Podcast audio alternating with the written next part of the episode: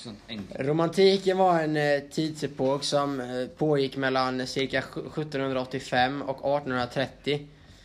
Under romantiken så ville man ta flykten in i en annan värld. Vad menar du med flykten till en annan värld? Eh, man, ville, man såg samhället som eh, rätt trist och man tänkte att kan man inte få samhället som man vill i den riktiga världen så vill man ta hjälp utav litteraturen i en skriven värld. Okej. Under romantiken så gick- man ut efter mycket att känslan styr, inte förnuftet. Vet att man ska gå mycket mer på, på känsla och vad man tycker och hur man känner just för stunden. Och inte kolla så mycket långsiktigt. Skräck och passion var två viktiga genrer inom litteraturen under den här tidsepoken också. Man såg ner på upplysningens idéer om, sund, om förnuft och att man skulle vara upplyst. Nu vill man vara, vara mer känslostyrda och fortsätta så. Romantiken. Franska revolutionen bröt ut år 1789. Ledorden var ju då frihet, jämlikhet och broderskap. Och det var en ny tidsålder man hoppades på. Runt Europa var det hoppfull och ny tid.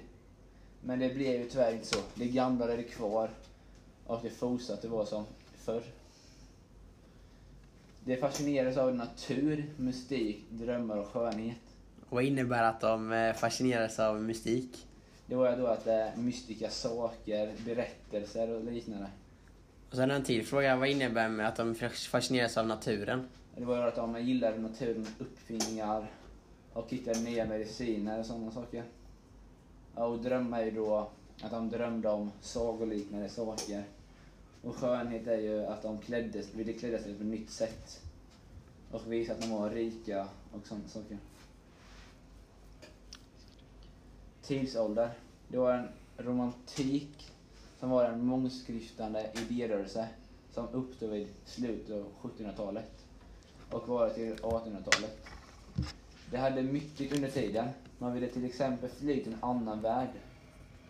Man flydde in i en annan sag, sagornas mystika, mystiska och individuella känslornas värld. Det skrivande livet, det var ju då ett, en litterär epok som ville ha ett nytt samhälle som det då inte blev som sagt. Revolutionen, romantik. Romantik var en fortsättning på, eller på nyttfödelse. Platos idéer. Ja, är det sant att det även finns fascinerande och skräck i romantiken? Jo, det är helt rätt Albin. Man eh, fascinerades även av passion och skräck. Och i de böckerna, eller berättelserna, så skrev man om människans mörka sidor, att de hade en ond och en god. Eh, man beskrev även mörka sidor på skräckromaner. Eh, kan du nämna någon författare och dess verk under den här perioden? Jo, jag tänkte berätta om Mary Shelley. Hon var en eh, kvinna som, eller de flesta kvinnor hade få eller inga rättigheter inom eh, tiden. Och man skrev oftast under ett manligt namn eftersom att man hade mycket större chans att få publicera sina böcker. Hon skrev, även, hon skrev boken Frankenstein 1818. Vad vill han få fram genom Frankenstein? Jo, Frankenstein, han var ju en man som... Eh, han var en vetenskapsman. Han lyckades ge liv åt döda kroppar. Och på den tiden så ville man styra över liv och... Eh, hur, ja, man vill liksom helt enkelt eh, vilja få fram döda och onda. Eh, Bram Stoker, eh, han var också en författare vid denna tiden. Och han gjorde boken Dracula. Eh, Dracula var en vampyr som ville flytta till England och det fick en skrämmande vändning. Eh, och Dracula är faktiskt en av de första skräckromanerna. Den stora förändringen i samhället förde med sig nya situationer som skapade ilska och besvikelse. Litteraturen blev en väg ut ur denna frustration. Om det inte gick att bygga upp ett nytt samhälle till det verkliga livet kunde man åtminstone skapa sina egna, sina egna världar och skriva dem med egna ord. Genom att noga välja sina ord så gick det att bryta mot alla regler utan att straffas. Författar, författarna drömde sig bort genom till tidigare århundraden till andevärlden, till den orörda naturen. Under romantiken för, fick författarna en ny roll. Att skriva började ses som ett konstnärligt arbete. Litteraturen från romantiken handlar om människans känslor, stormande romantik, kärlek eller människans mörka sida. Jag har fördjupat mig i Alexandre Dumas. Han kommer från Frankrike och föddes år 1803 och levde till 1500, 1870 menar jag. Hans mest berömda bok är Tre musikörerna och är en klassiker genom att den har kommit upp i nya upplagor i sina tider då.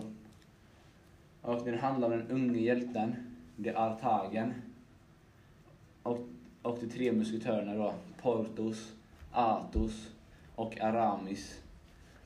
Han var en väldigt känd författare under tiden realismen. Och först under 1800-talet började man läsa romaner i Europa då, och i Amerika och det blev en väldigt stor del av samhället och man började inrikta det mycket på författare och sådana saker. Och uppfinningar då. Varför det blev en klassiker? Ja, det var ju då att den kom upp i nya upplagor här under sina tider och blev väldigt känd. Och Dumas berättelse börjar i en liten stad i södra Frankrike år 1625. Och han leder verkligen in i sina romanfigurers öden. Man fick lära känna de tre musketörerna som barnsliga och väldigt uppblåsta, hjältemodiga, ädla enkediktare. Snobbiga och trogna. Och forskningen visade sig att Dumas byggde sina berättelser på verkliga händelser. Ja, tack för det. Jag har fördjupat mig i Lucy Mon- Montgomery. Hon var en kanadensisk kvinna som levde under 1874 till 1942. Hon blev 67 år gammal och tog självmord. Hon skrev bland annat om barnromaner, noveller och poesier. Hon var till, äh, journalist i början men eh, gifte sig och blev en prästfru. Samtidigt var hon författare och var aktiv mellan 1891 och 1939. Eh, hon är mest känd för sin, sina böcker eh, Annie på Grönkulla. Hon släppte den första 1908 och några månader därefter så släppte hon sex upplagor. Hon fick utmärkta recensioner, recensioner och eh, det är inte vanligt eftersom att det är ungdomsböcker. Hon är väldigt lik Astrid Lindgren som också har skrivit ungdomsböcker. Eh, och eh, sina böcker på Anne på Grönkulla har hon skrivit åtta stycken där man följer henne från 11 till 50 år gammal. Hon var föräldralös kvin- äh, flicka och eh, hon var väldigt pratglad och begåvad. Eh, ovanligt begåvad. Matthew och Marilla var ett äldre par som fick ta hand om eh, flickan. Eh, Marilla ville skicka tillbaka henne men hon fick sedan stanna. Hon gjorde stora uppståndelser i byn och hennes fantasifulla påhitt och fr- frispråkighet eh, orsakade många gånger trubbel. Eh, hon blev sedan eh, en mormor till sex barn och eh, hon var en utbildad lärare. Det handlar inte bara om henne i eh, byn utan det handlar om varje person nästan. Människorna skildras från sorg och glädje och eh, man får följa med i årtidsomväxlingar, eh, romantiska och vackra naturbeskrivningar. Man får även följa med hennes söner som var med i första världskriget. Detta är baser- denna ber- eh, äh, Anne på Grönkulla är baserad på Lucys liv och vad hon har sett, gjort och upplevt under sina dagar. Eh, och hon var väldigt känd eh, på grund av Anne på Grönkulla, helt enkelt. Jag har fördjupat mig i Mark Twains historia. Han växte upp i, i Florida i Amerika och han levde 1835 till 1910. Han växte upp på den respekterade sidan av stan men ändå var det en väldigt fattig familj. Det var en kriminell stad och det... Hans första bok handlade om eh, sin barndom. Den släppte han 1876. När han eh, till exempel blev vittne till ett mord. Hans eh, pappa dog tidigt i familjen och familjen fick hjälpa till att barnen fick hjälpa till för att klara ekonomin där de fick jobba istället för att gå i skolan. Hans första jobb där han blev inbjuden till en tidning där han fick skriva små eh, eh miniserier eh, som humor. Där blev han stämplad som humoristiskt omtyckt och berömd. Hans familj är, han gifte sig 1880 med någon som, en som hette Olivia och han fick fler än ett barn men den enda som överlevde var hans dotter som blev 23 år. Och han skrev, hon skrev en biografi om sitt liv och sin far. Trots att han hade mycket pengar och ett lyckligt liv så blev de sista åren tragiska och mörka. Han dog 1910 och hade sett fram emot döden. Jag har fördjupat mig i Robert Louis Stevensons historia. Han var en stor romanförfattare, poet och reseskildrare som levde mellan 1850 och 1894. Robert Louis är mest känd för sina böcker Dr Jekyll och Mr Hyde och Skattkammaren. Jag ska berätta om Skattkammaren som kom ut 1881 och gick, följetong, gick som följetong i flertalet i tidningar. Skattkammaren hade ingen större framgång. Senare kom den ut som bok 1883 och då blev framgången mycket större. Handlingen utspelar sig i 1700-talets Eng- England och har en inledning som innehåller fart, fläkt, spänning och mystik, vilket gör att många vill läsa den här boken. Bokens huvudperson, Jim Hawkins, bor på värdshuset Amiral Bembo och får besök utav en sjöman som är väldigt bråkig och besvärlig. Sjömannen har med sig en skattkarta och lever i ständig skräck för en pirat. Sjömannen ger Jim Hawkins en silverslant då och då för att hålla utkik efter, den här piraten. Piraten som heter Long John Silver har träben och en krycka och har sin goda vän Kapten Flint på axeln. John Long, John Long Silver är en av inofficiella hjälten i den här historien med sin list, list grymhet, samvetslöshet och sin charm är en av världslitteraturens mest odödliga gestalter. Han är en skurk och har glimten i ögat. När Jim Hawkins beger sig till ön för att hitta skatten tar han hjälp av John, John Long Silver och hans skepp. Det slutar med en ofantlig drabbning där eh, Hawkins gömmer skatten på nytt så att Long John Silver inte kommer kunna få tag på den här skatten. Robert Louis Stevenson skildrar ont och gott i många utav sina berättelser och det är grunden för boken Dr Jekyll och Mr Hyde. Skattkammaren är dedikerad till hans son Lloyd och Robert Louis Stevenson hade lungsjukdom genom livet och levde sina sista fem år på den tropiska ön Samoa. Robert Louis stora passioner var skrivande och hade stor passion för konstnärligt och författare. Eh, Robert Louis eh, Stevenson hade ingen, fick, hade ingen speciell påverkan på sin egen, egen, eh, egen poeti eller sina egna romaner. Robert Louis Stevenson var däremot fascinerad av skurkar och varför man gör som man gör, hur man beter sig, varför är man ond och varför är man god. Robert Louis Stevenson, kom, som kommer från Skottland, är en av de största författarna som har skrivit ungdomsklassiker. Och det, och det kommer han för alltid vara. Realism. Industriella revolution inleddes i England runt 1830 1860. Det blev färre jordbrukare och städerna växte. Man ville till exempel flytta in mer därvid. Och det blev många fattigare. Hur påverkades samhället av att det blev så många fattiga? Ja, Och... det var att det blev mycket slumområden runt eh, fabrikerna och de bodde till exempel i plåthus typ kan man säga. Mm, Ja. okej. Och sen var det då tekniska uppfinningar som gjorde att utvecklingen gick framåt.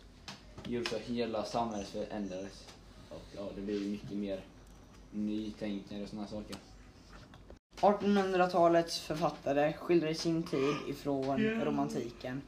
De berättar även om förändringar i samhället och till skillnad från realismen så var ju romantiken mycket fantasi och så.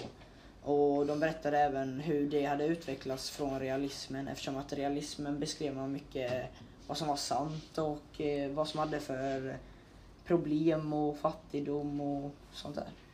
Vad var det för problem författarna beskrev i sina böcker? Jo, men de beskriver ju bland annat om samhällets orättvisor och hur de levde och hur de fattiga levde, barn levde och kvinnornas frigörelse. Kvinnans ställning under 1800-talet var väldigt konstig. Kvinnor skrev oftast under manliga namn i pseudonym när de skulle lägga ut böcker eftersom att de inte ansågs passade för att jobba eller utbilda sig eller arbeta. Kan du nämna någon känd författare som var kvinna under den här tiden? Ja, Charlotte Bronte som levde 1816 till 1855. Mm. Vad skrev hon något känt verk eller? Hon skrev en bok om eh, Jane Eyre, en- om en föräldralös prästdotter. Som, eh, om hennes uppväxt som när hon stred mot samhällets normer och religion. Realismen i Sverige. Samhällsförändring, samhällsförändringarna i Sverige skedde mycket senare än övriga Europa. Förändringarna i samhället skedde först under slutet under 1800-talet. Sverige industrialiseras. Vad innebär att Sverige industrialiseras?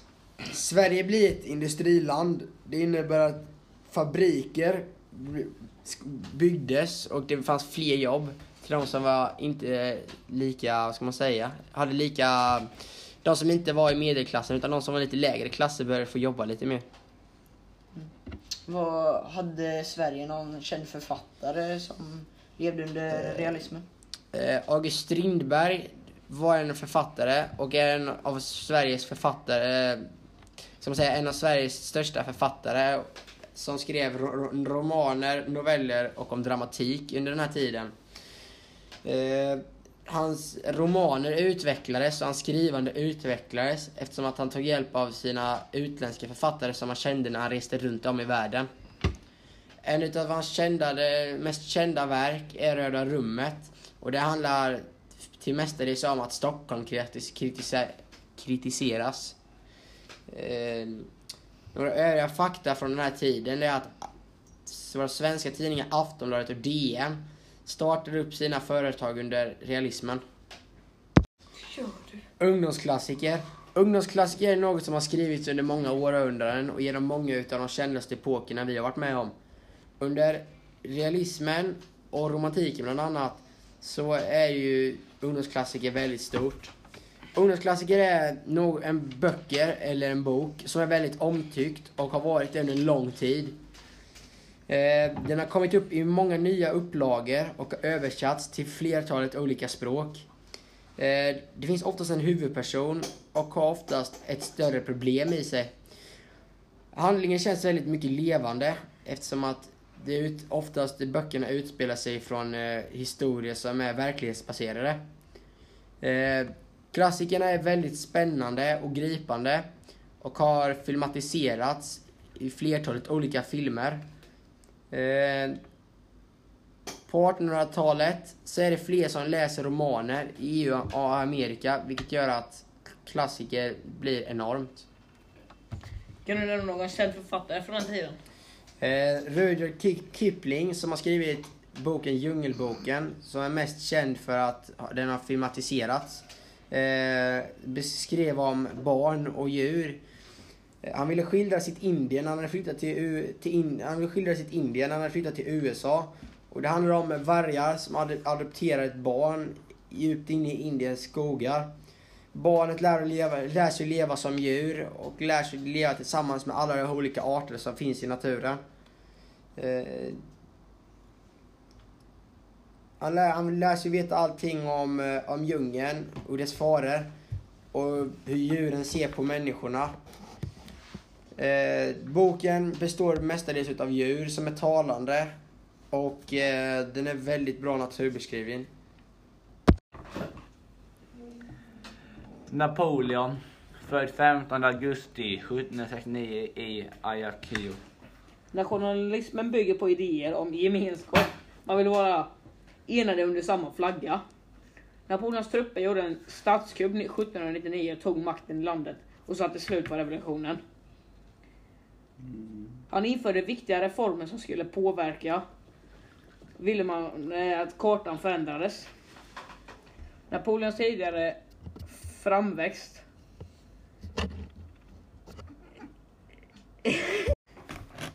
Napoleons tidigare framväxt skapar framväxt för framförallt Italien och Tyskland, men även de övriga länderna i Europa. Frankrike blev ett inspirerande och framgångsrikt land efter nationalismen och är det än idag. I Frankrike beräknas Napoleon av många som en nationalhjälte. Efter franska revolutionen infördes nya lagar. En av de nya var värnplikten. Vem som helst kunde gå med som en militär. Napoleon var en framgångsrik militär efter, många, efter sina många slag och sådana saker. Och han tog över makten i Frankrike. Industriella revolutionen fick sitt genombrott i England. Fabriker byggdes och man koloniserades ifrån jordbruket till städerna där man helt enkelt jobbade i fabriker istället. Under den här tiden eh, bildades det vi kallar för arbetarklassen. Det var det människor som tidigare hade jobbat väldigt mycket och inte hade haft det så lätt, eh, rätt lätt i samhället och man hade en lägre ställning än medelklassen. Och det var de, dessa personer som var anställda i fabriker. Under den här perioden var det även ett guldår för bankirer och eh, köpmän. Eftersom att tra- export och import gick så pass väl som det gjorde så hade man ingen brist på varor vilket gjorde att det gick att sälja mycket och tjäna mycket pengar. Arbetsklassen som jobbade i fabrikerna kunde bo precis utanför i så kallade slumområden. Där bestod husen av stålskjul som knappast kunde tåla stormar och vind, höga, eller kraftiga vindar. De var mycket fattiga och eh, kunde lätt svälta några dagar. Eh, en annan del av när det, det vi kallar för att Europa erövrar världen, det är franska revolutionen som var, pågick i 1789. Frankrike låg i krig och man sprider tron om frihet, jämlikhet och broderskap. Folket i uppror visade sitt missnöje med hjälp av många verbala gester och väldigt mycket, vad ska man säga, väldigt mycket hot emot eh, de som hade makten. Eh, man var inspirerad av upplysningens idéer.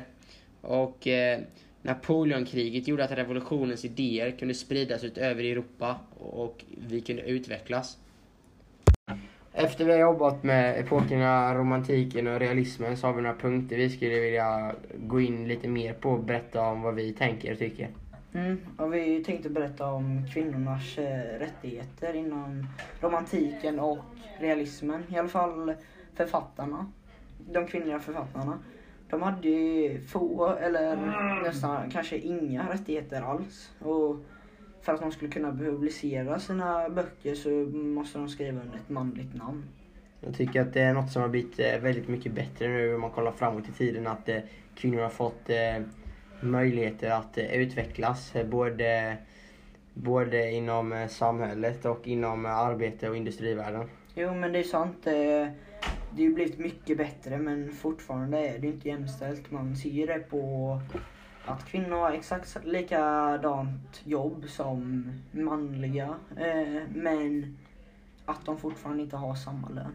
Ja, jag tror att det, det går alltid att jobba så att det blir mer jämställt. Men eh, just inom den här frågan så tror jag att det är något som aldrig kommer uppnås. Det kommer alltid vara något som skiljer.